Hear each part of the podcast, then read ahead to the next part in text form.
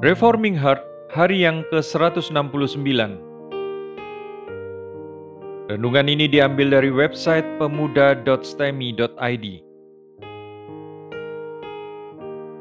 Tema renungan hari ini adalah Cinta untuk Rumahmu.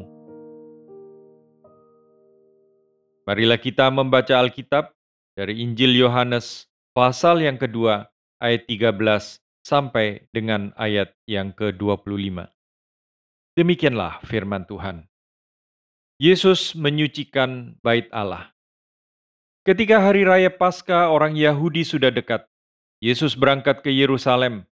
Dalam bait suci didapatinya pedagang-pedagang lembu, kambing domba, dan merpati, dan penukar-penukar uang duduk di situ. Ia membuat cambuk dari tali, lalu mengusir mereka semua dari bait suci dengan semua kambing domba dan lembu mereka. Uang penukar-penukar dihamburkannya ke tanah, dan meja-meja mereka dibalikkannya. Kepada pedagang-pedagang merpati ia berkata, Ambil semuanya ini dari sini. Jangan kamu membuat rumah Bapakku menjadi tempat berjualan. Maka teringat murid-muridnya bahwa ada tertulis, cinta untuk rumahmu menghanguskan aku. Orang-orang Yahudi menentang Yesus katanya, Tanda apakah dapat engkau tunjukkan kepada kami bahwa engkau berhak bertindak demikian? Jawab Yesus kepada mereka, Rombaklah bait Allah ini, dan dalam tiga hari aku akan mendirikannya kembali. Lalu kata orang Yahudi kepadanya, Empat puluh enam tahun orang mendirikan bait Allah ini, dan kau dapat membangunnya dalam tiga hari. Tetapi yang dimaksudkannya dengan bait Allah ialah tubuhnya sendiri. Kemudian sesudah ia bangkit dari antara orang mati, barulah teringat oleh murid-muridnya bahwa hal itu telah dikatakannya, dan mereka pun percaya akan kitab suci dan akan perkataan yang telah diucapkan Yesus. Dan sementara ia di Yerusalem selama hari raya Paskah, banyak orang percaya dalam namanya karena mereka telah melihat tanda-tanda yang diadakannya. Tetapi Yesus sendiri tidak mempercayakan dirinya kepada mereka, karena ia mengenal mereka semua. Dan karena tidak perlu seorang pun memberikan kesaksian kepadanya tentang manusia, sebab ia tahu apa yang ada di dalam hati manusia.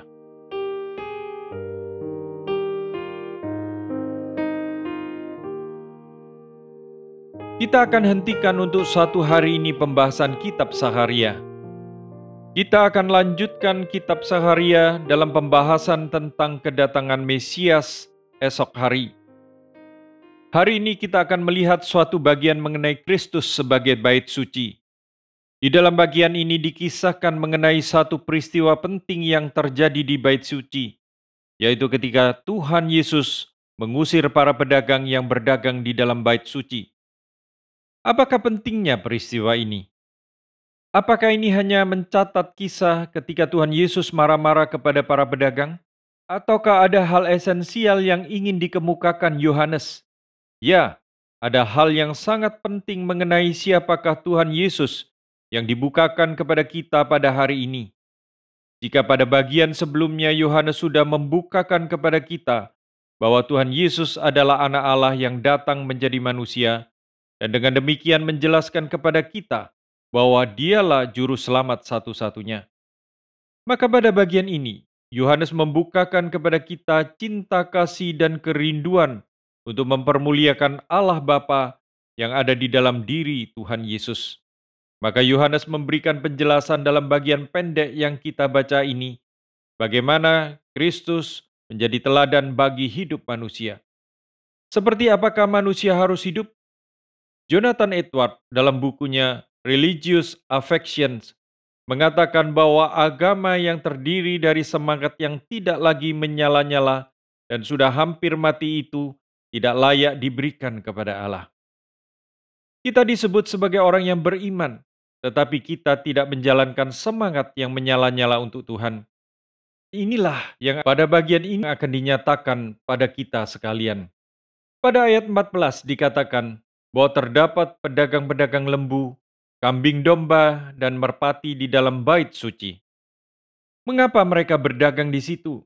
Karena pada hari Paskah akan ada banyak orang Yahudi datang dari penjuru dunia untuk beribadah di bait suci.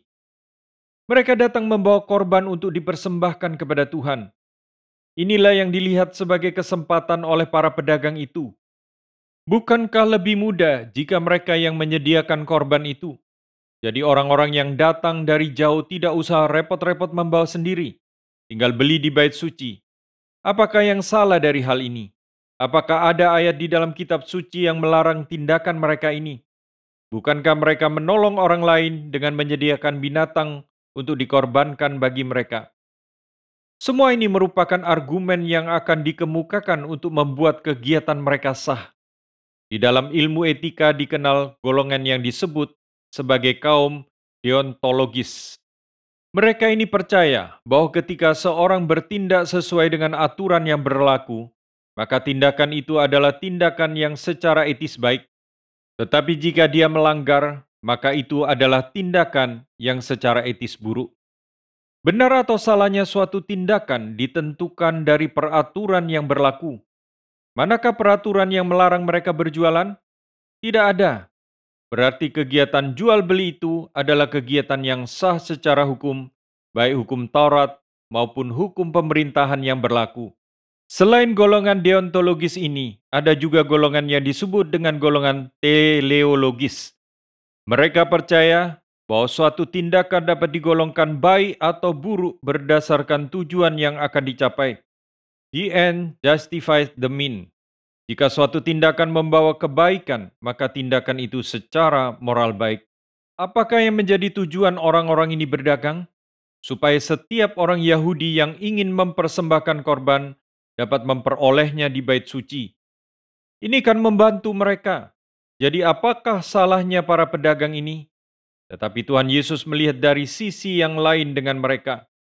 Tuhan Yesus melihat apa yang mereka lakukan sebagai tindakan yang tidak pantas. Dan tindakan tidak pantas itu bukanlah karena mereka berjualan, melainkan karena mereka melakukan di dalam bait suci Allah. Ada hal-hal yang secara spesifik dilarang oleh Taurat, tetapi ada hal-hal yang seharusnya sudah diketahui oleh orang-orang yang mengasihi Tuhan meskipun tidak ada larangan spesifik mengenai hal-hal itu. Apa yang pantas dan yang tidak pantas diberikan kepada Tuhan, apa yang pantas dan yang tidak pantas dilakukan sebagai umat Tuhan. Ada hal-hal yang secara natural dapat diketahui di dalam hati orang-orang yang mengasihi Tuhan. Ketika seorang mengasihi Tuhan, akankah dia memandang dengan rendah tempat-tempat yang dikhususkan Tuhan sebagai tempat dia menyatakan dirinya? Di dalam doa Salomo, Salomo memanjatkan permohonan supaya Tuhan memberkati Israel karena adanya bait Allah di tengah-tengah mereka. Salomo memohon kehadiran Tuhan yang walaupun mengatasi segala langit, boleh hadir di tengah-tengah Israel. Bait Allah menjadi lambang belas kasihan Tuhan dan penyertaan Tuhan bagi Israel. Ia berkenan memberikan pimpinan, penyertaan, belas kasihan, bahkan pengampunan kepada Israel dan semua ini dilambangkan oleh bait Allah. Mungkinkah orang yang mengasihi Tuhan akan tanpa gentar memanfaatkan rumah ini untuk mengambil keuntungan? Dari sisi peraturan, mereka tidak melanggar hukum apa pun, tetapi tanpa disadari mereka telah melanggar Tuhan. Sebab sebagaimana dikatakan Tuhan Yesus, hukum yang paling utama ialah kasihilah Tuhan Allahmu dengan segenap hati, jiwa, kekuatan, dan akal budi. Kasih kepada Tuhan yang disatukan dengan hormat di dalam kehidupan yang suci adalah jauh lebih penting daripada segala jenis persembahan yang bisa ditawarkan oleh orang Israel. Dari sini kita dapat melihat dua jenis manusia. Yang pertama adalah para pedagang di bait suci. Mereka adalah tipe orang-orang yang hanya melihat keuntungan, terus-menerus melihat uang dan peluang-peluang yang ada untuk menghasilkan uang. Demikianlah sistem ekonomi kapitalis yang berkembang hingga saat ini. Adam Smith, ekonom abad ke-18 mengatakan bahwa keberpusatan pada diri dan keinginan untuk menjadikan diri makin kaya dan makmur akan mendorong pertumbuhan ekonomi sebuah negara. Pemerintah tidak usah susah payah memberikan peraturan yang ketat dan pengawasan yang berlebihan. Biarkan saja semua manusia menuruti sifat dasar dirinya yang egois dan ingin kaya. Di dalam keinginan untuk kaya ada kunci pertumbuhan ekonomi. Maka sifat dasar manusia yang mau mengeruk keuntungan sebesar-besarnya dilihat oleh Smith sebagai alat yang dapat digunakan untuk mendorong sebuah negara menjadi kaya. Alkitab mengatakan bahwa akar dari segala kejahatan adalah cinta uang. Tetapi Smith mengatakan akar pertumbuhan sebuah bangsa adalah cinta uang. Orang yang ingin kaya dan berpikir rasional akan berusaha membuat bangsa sejahtera, karena di dalamnya kesejahteraan bangsanya ada jaminan akan kesejahteraan dirinya. Orang rasional dan serakah akan memberikan keuntungan bagi orang lain, karena di dalam memberi keuntungan kepada orang lain inilah terletak peluang keuntungan diri di waktu yang akan datang. Dia tahu kalau dia menipu dan merugikan orang lain, maka orang lain akan balik menipu dan merugikan dirinya pada suatu saat nanti. Tetapi kemudian muncullah pada abad ke-19 seorang bernama Karl Marx yang menyadari bahwa konsep Smith ini hanya membuat pemilik modal makin kaya dan memeras kaum buruh. Negara boleh bertambah kaya, tetapi ini terjadi karena pertumbuhan kekayaan beberapa kelompok saja. Maka di dalam Komunis Manifesto Marx mengatakan bahwa kaum buruh hanya mendapat upah yang cukup untuk membeli roti yang akan memperpanjang hidup mereka satu hari lagi. Tetapi hari yang masih diperpanjang itulah hanya berguna bagi mereka kembali untuk diperas. Diperas dan dibayar untuk memulihkan energi, untuk kemudian diperas lagi. Maka muncul sistem ekonomi tandingan dari kapitalis, yaitu komunis.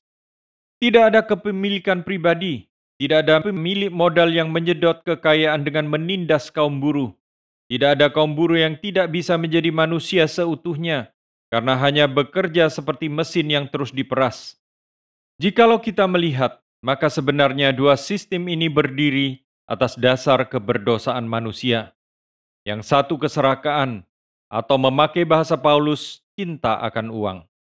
Sedangkan yang lain, kebencian, egois, dan mementingkan diri dengan memeras orang lain atau membenci dan menghancurkan orang lain demi dirinya sendiri. Mana yang akan kita pilih? Penyelidikan makin dalam terhadap apa yang terjadi di dunia ini hanya akan menguatkan fakta kerusakan manusia yang bergiat bagi diri dan keuntungan diri, atau kerusakan manusia yang membenci dan mengharapkan keruntuhan orang lain. Ungkapan seorang nabi yang mengatakan bahwa tidak ada seorang pun yang mencari Allah adalah benar. Semua mencari kepentingan sendiri. Mengapakah para pedagang di bait Allah itu tidak mempunyai hati yang gentar ketika mereka berada di tempat di mana Allah berkenan untuk menyatakan dirinya. Mengapakah manusia tidak memperdulikan Tuhan sehingga berani mengambil kesempatan beribadah demi keuntungan pribadi? Tuhan Yesus mengatakan, "Carilah dulu kerajaan Allah," tetapi manusia mengabaikan kerajaan Allah demi dirinya sendiri. Tipe manusia yang kedua adalah Kristus, teladan bagi manusia sepanjang zaman. Berbeda dengan manusia lain, Kristus begitu rindu untuk menyatakan kemuliaan Bapaknya. Maka ketika dia melihat bahwa para pedagang ini telah mengubah tempat ibadah kepada Bapa dan menggantikannya dengan suasana pasar seperti ini, dengan amarah yang suci, yang mengusir setiap mereka keluar dari bait suci. Orang-orang lain akan melihat tindakan Kristus itu sebagai tindakan yang ekstrim. Apakah yang salah dengan cara para pedagang itu? Tetapi amarah Kristus adalah amarah yang suci. Dia marah karena kesucian tempat ibadah kepada Bapa di surga dihina sedemikian. Dia tidak marah karena dirinya dirugikan. Dia tidak marah karena dirinya disinggung. Tuhan Yesus tidak pernah murka kepada orang-orang yang menghina dirinya. Bahkan tidak satu pun kata-kata keras diucapkan Tuhan Yesus kepada orang-orang yang menghina dia ketika dia disalibkan. Setiap hal yang dikerjakan Kristus adalah untuk kemuliaan Bapa. Demikian juga ketika dia marah, dia melakukannya karena kemuliaan Bapaknya dipandang hina. Sungguh berbeda dengan kita semua. Kita marah karena kita disinggung. Kita sulit mengampuni karena diri kita yang disakiti. Kita bertindak keras karena orang menghina kita. Kita dendam karena diri kita dipandang remeh. Kita sungguh kecil dan hina jika dibandingkan dengan Kristus. Amsal mengatakan bahwa orang yang mampu menguasai dirinya lebih hebat daripada orang yang mengalahkan kota berbenteng. Menguasai diri bukan berarti tidak pernah marah. Menguasai diri berarti bertindak dengan tepat sesuai dengan apa yang seharusnya dilakukan. Jika harus marah, maka dia akan marah. Jika tidak perlu marah, maka dia tidak akan marah. Jika kita marah karena diri kita dirugikan, ini membuktikan betapa egois dan self-centerednya kita. Kalau Kristus adalah teladan kita, mari kita belajar untuk berubah. Belajar untuk mempunyai cinta kepada rumah Allah, cinta kepada Allah yang diwujudkan dengan cinta kepada namanya yang kudus. Kristus menjadi teladan karena yang dia kerjakan dengan segiat mungkin adalah memuliakan Bapaknya dan menggenapi rencananya. Tindakannya akan membuat tentangan dan membangkitkan kebencian dalam diri begitu banyak orang lain. Karena itu murid-muridnya mengingat suatu bagian di dalam Mazmur Daud cinta terhadap rumahmu telah menghanguskan aku. Kristus bergiat untuk Bapaknya, dan karena itu dia dihanguskan oleh kebencian orang lain. Dibenci oleh orang yang memang tidak pernah menghormati Tuhan. Dianiaya oleh orang yang sibuk menindas kebenaran. Dihakimi oleh orang-orang yang standar mutlaknya adalah diri sendiri dan bukan Tuhan. Ini semua dialami oleh Kristus. Kalau kita masih melihat manusia mengerjakan segala sesuatu untuk diterima orang lain dan bukan untuk kemuliaan Tuhan, maka kita tidak akan pernah menjadi pengikut Kristus yang sejati. Orang Kristen yang sejati meneladani Kristus, giat untuk Tuhan meskipun kebencian dari orang-orang yang membenci Tuhan menghanguskan kita.